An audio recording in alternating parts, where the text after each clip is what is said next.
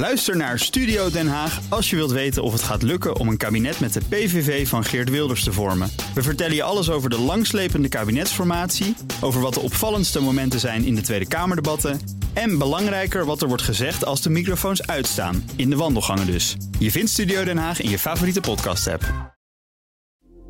Dit is een BNR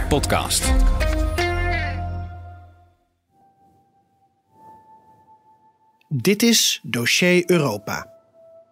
Mijn naam is Geert-Jan Haan. Ik ben Europa-verslaggever bij BNR.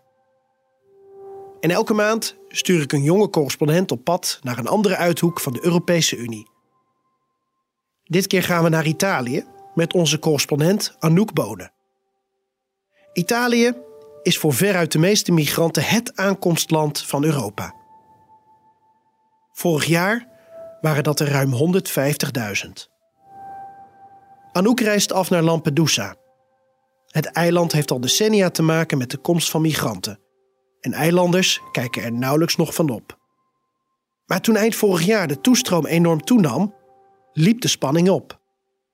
Basta, klonk er voor het eerst. Dit is aflevering 1. Lampedusa, de poort van Europa.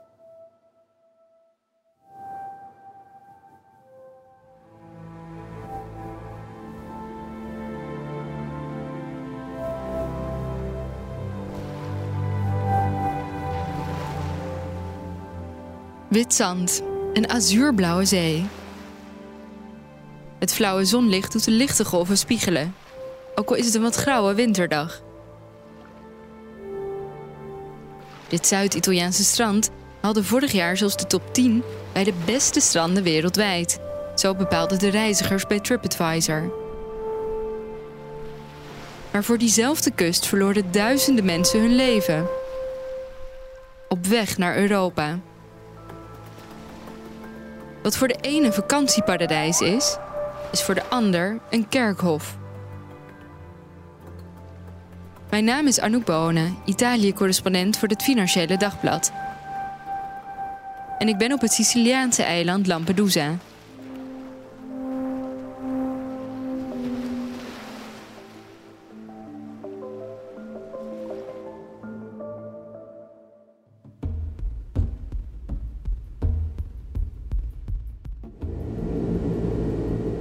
Vliegschaamte.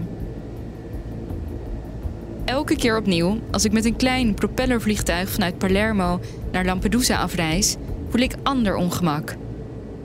Kijkend naar die donkere vlakte onder mij, realiseer ik me dat deze route voor zoveel mensen niet is weggelegd. Ladies and gentlemen, we start our descent to Lampedusa. Zoals voor de 16-jarige Ibrahim uit Gambia. Hij riskeerde zijn leven, zonder te weten wat hem te wachten stond. I take the boat from Tunis, Tunisia, Tunisia to Italy. Drie dagen was hij onderweg, dag en nacht. Ibrahim was bang. I see the sea in Gambia, but they are not like this bigger sea. So in the sea, we are in the sea. I used to see many fish, bigger fish. So I afraid. I think that I'm going to die. My mom is going to lose me. Maar hij arriveert en wordt opgevangen, al is zijn toekomst ongewis. Voordat ik jongens als Ibrahim ontmoette, met vaak een vlakke blik op hun jonge gezichten, was migratie voor mij ongrijpbaar. Een politiek debat. Ver weg. Het raakte mijn vroegere ik in mijn Amsterdamse bubbel niet. Tot ik zelf migreerde. Maar mij valt in Italië vooral positieve discriminatie ten deel. Zijn het mijn blonde lokken, mijn blauwe ogen, of simpelweg het feit dat ik in Europa geboren ben? Toch kreeg ook mijn Argentijnse lief met een Italiaanse overgrootvader, die hij zelfs nooit heeft gekend, vrij gemakkelijk een Italiaans paspoort. Deuren gaan hier voor ons open, letterlijk. Zo hebben we gemerkt dat Italianen graag aan ons verhuren, aan de betere buitenlanders. Dat zeg ik met ironie. Grijp me niet verkeerd. Want waarom wij wel en zij niet? Zijn we niet allemaal op zoek naar betere kansen? Er vindt een complete invasie plaats. En de Italiaanse vicepremier Matteo Salvini sprak over een oorlogsverklaring. En hij zei dat wat in Lampedusa gebeurt de dood van Europa is. Het debat verhardt. Un quadro difficilissimo, tra colpi di Stato, calamità naturali, guerra del grano, jihadismo, che potrebbe portare diverse... We hoorden Giorgia Meloni, rechtspoliticus en de aanvoerder van de partij Fratelli d'Italia. Haar toon is een stuk milder nu ze premier van Italië is. Italië en Europa kunnen de enorme massa personen, mogelijk miljoenen schetsen, niet opvangen. Maar migranten zijn meer dan nummers. Om het complexe fenomeen migratie beter te begrijpen, zijn we hier op Lampedusa, ook wel de poort van Europa genoemd. Het eiland, kleiner dan Vlieland, bevindt zich dichter bij Noord-Afrika dan bij Sicilië. Al decennia komen hier migranten aan. Ik ontmoet Lampedusano en duiker Simone Di Polito. Een 47-jarige robuuste man met witte baard in een café bij de haven. È un'isola che diciamo è il- la, la- la- frontiera dell'immigrazione, no? come hai detto tu, la porta d'Europa. Accogliamo questi poveri. Hij zet Lampedusa neer als een front, de eerste linie wat migratie naar Europa betreft. Waar de, in zijn woorden, arme immigranten die arriveren worden opgevangen en waar in zijn optiek alle eilanders hun best doen om de migranten te helpen en zich ook thuis te laten voelen, door ze bijvoorbeeld eten of schone kleding te geven.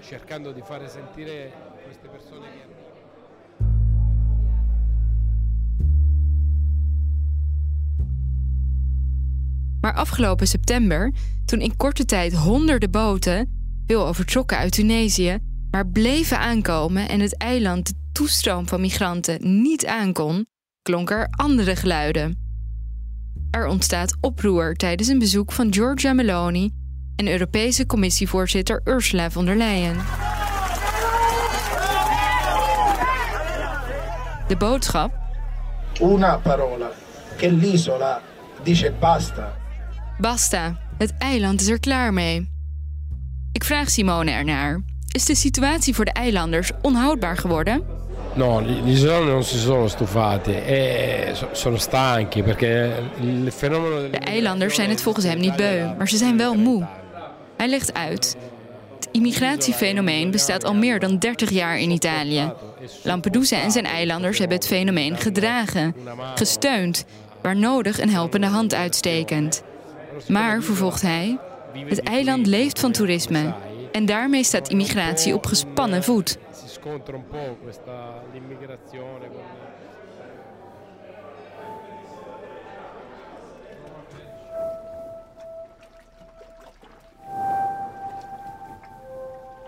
Iets verderop in de haven komt Calogero Minio terug van een etmaal vissen op zee. Op zoek naar onder meer inktvis. Hij loopt de loopplank van zijn witblauwe boot af. De visnetten zijn nog nat. capitato anche vedere barche piene di questi clandestini 40 Als visser komt hij regelmatig migranten tegen. Maar hij mag ze niet aan boord nemen. En informeert dan de havenmeester of de kustwacht. durante la giornata potrebbe capitare che delle volte si Calogero vertelt hoe het gebeurt dat wrak en brokstukken van migrantenboten op zee vast komen te zitten in zijn netten en zijn netten beschadigen. De visvangst gaat daarmee regelmatig verloren en de schade per keer, die loopt op.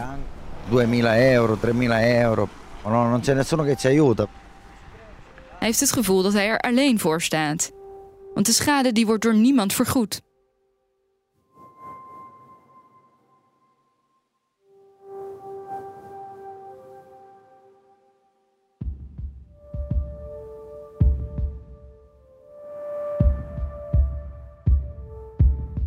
Ik rijd door met mijn gehavende Fiat Panda richting het binnenland.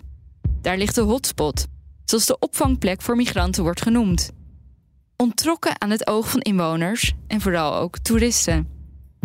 Hoe dichterbij ik kom, op hoe meer agenten en militairen ik stuit. De beveiliging is de afgelopen jaren door de rechtse regering flink opgeschroefd.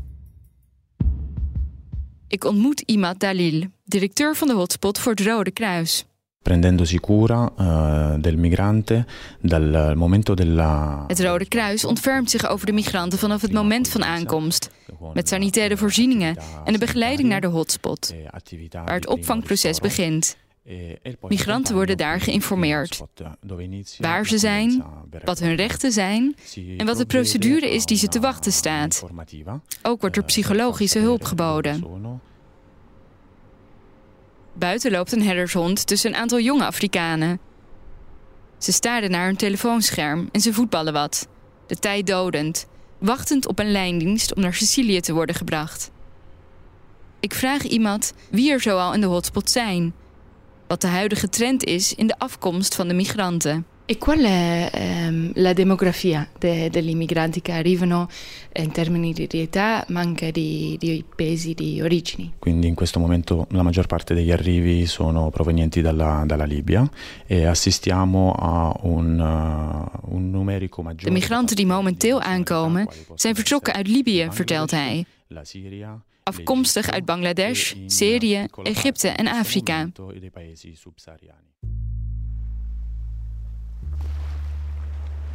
De zee is onstuimig. Dat is te zien in een terugloop in aankomsten. In de hotspot is het rustig. Er zijn ruim 600 bedden, maar momenteel zijn er nog geen 50 van bezet. Er rest me nog een stop, de laatste stop voor nu. De begraafplaats. Ik denk terug aan wat Simone me vertelde terwijl we een grappa dronken in het café bij de haven, waar agenten in burger en inwoners zich mengen. De geur van gefrituurde inktvisringen hing om ons heen. Tijdens een grote schipbreuk voor de kust van Lampedusa in 2013 was hij er als duiker als eerste bij. Meer dan 300 mensen verdronken. Io sono stato il primo ad arrivare come soccorritore in, in quella situazione. Hij vond tientallen levenloze lichamen in het water. Hij bracht de dode migranten naar de kust. Nog altijd voelt die gebeurtenis als een trauma. Sicuramente è stato un trauma. Spero che non succeda più una tragedia del genere, perché veramente. De herinnering krijgt hij maar niet uitgewist. Die levenloze lichamen in zee. De beelden overvallen hem nog regelmatig.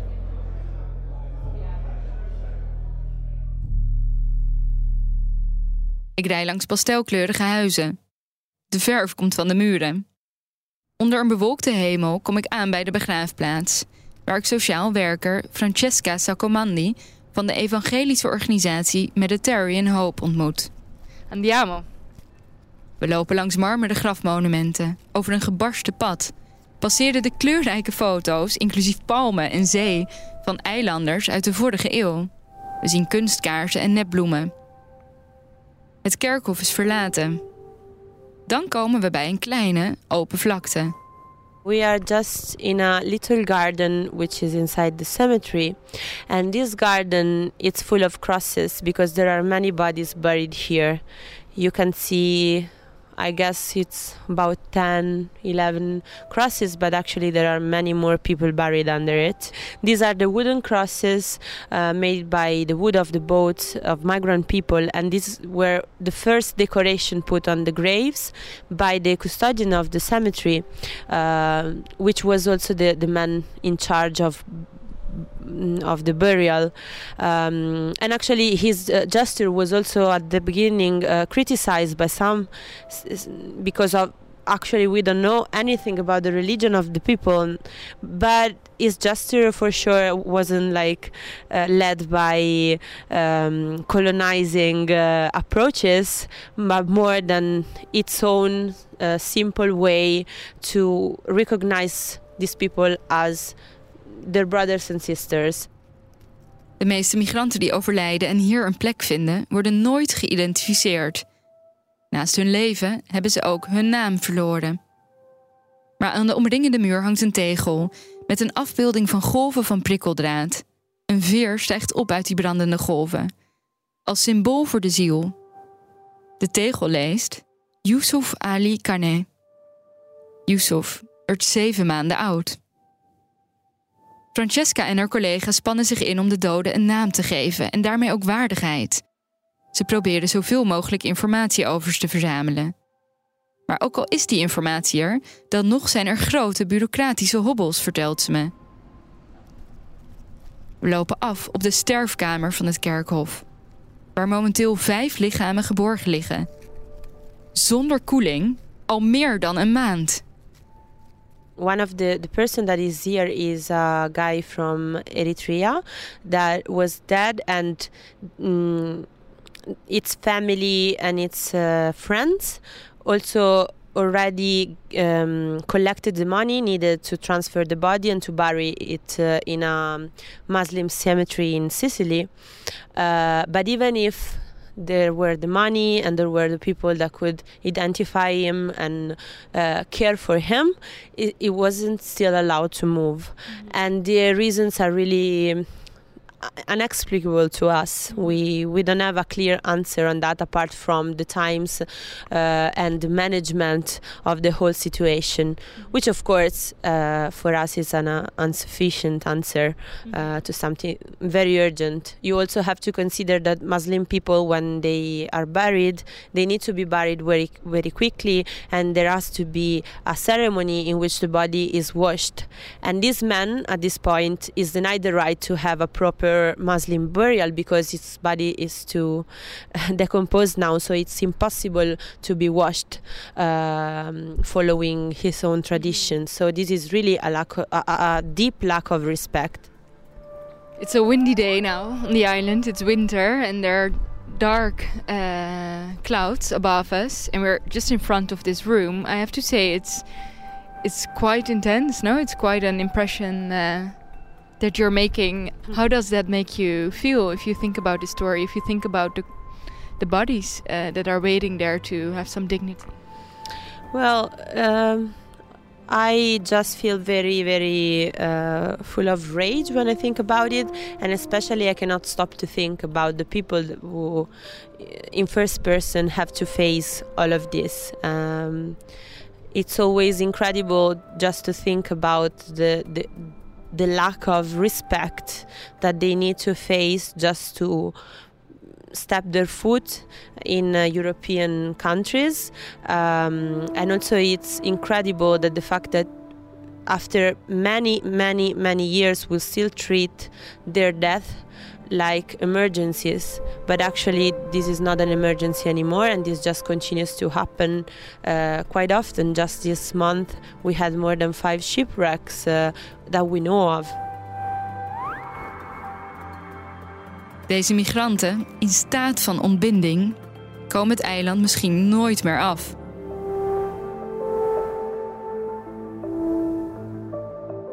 Wat er gebeurt met het merendeel van de migranten die levend aankomen, hoor je in aflevering 2.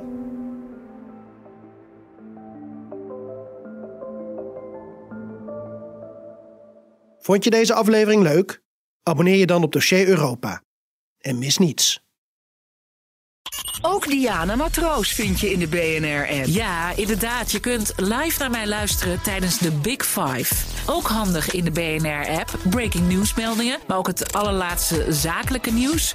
En je vindt in de app alle BNR-podcasts, waaronder Wetenschap Vandaag. Download nu de gratis BNR-app en blijf scherp.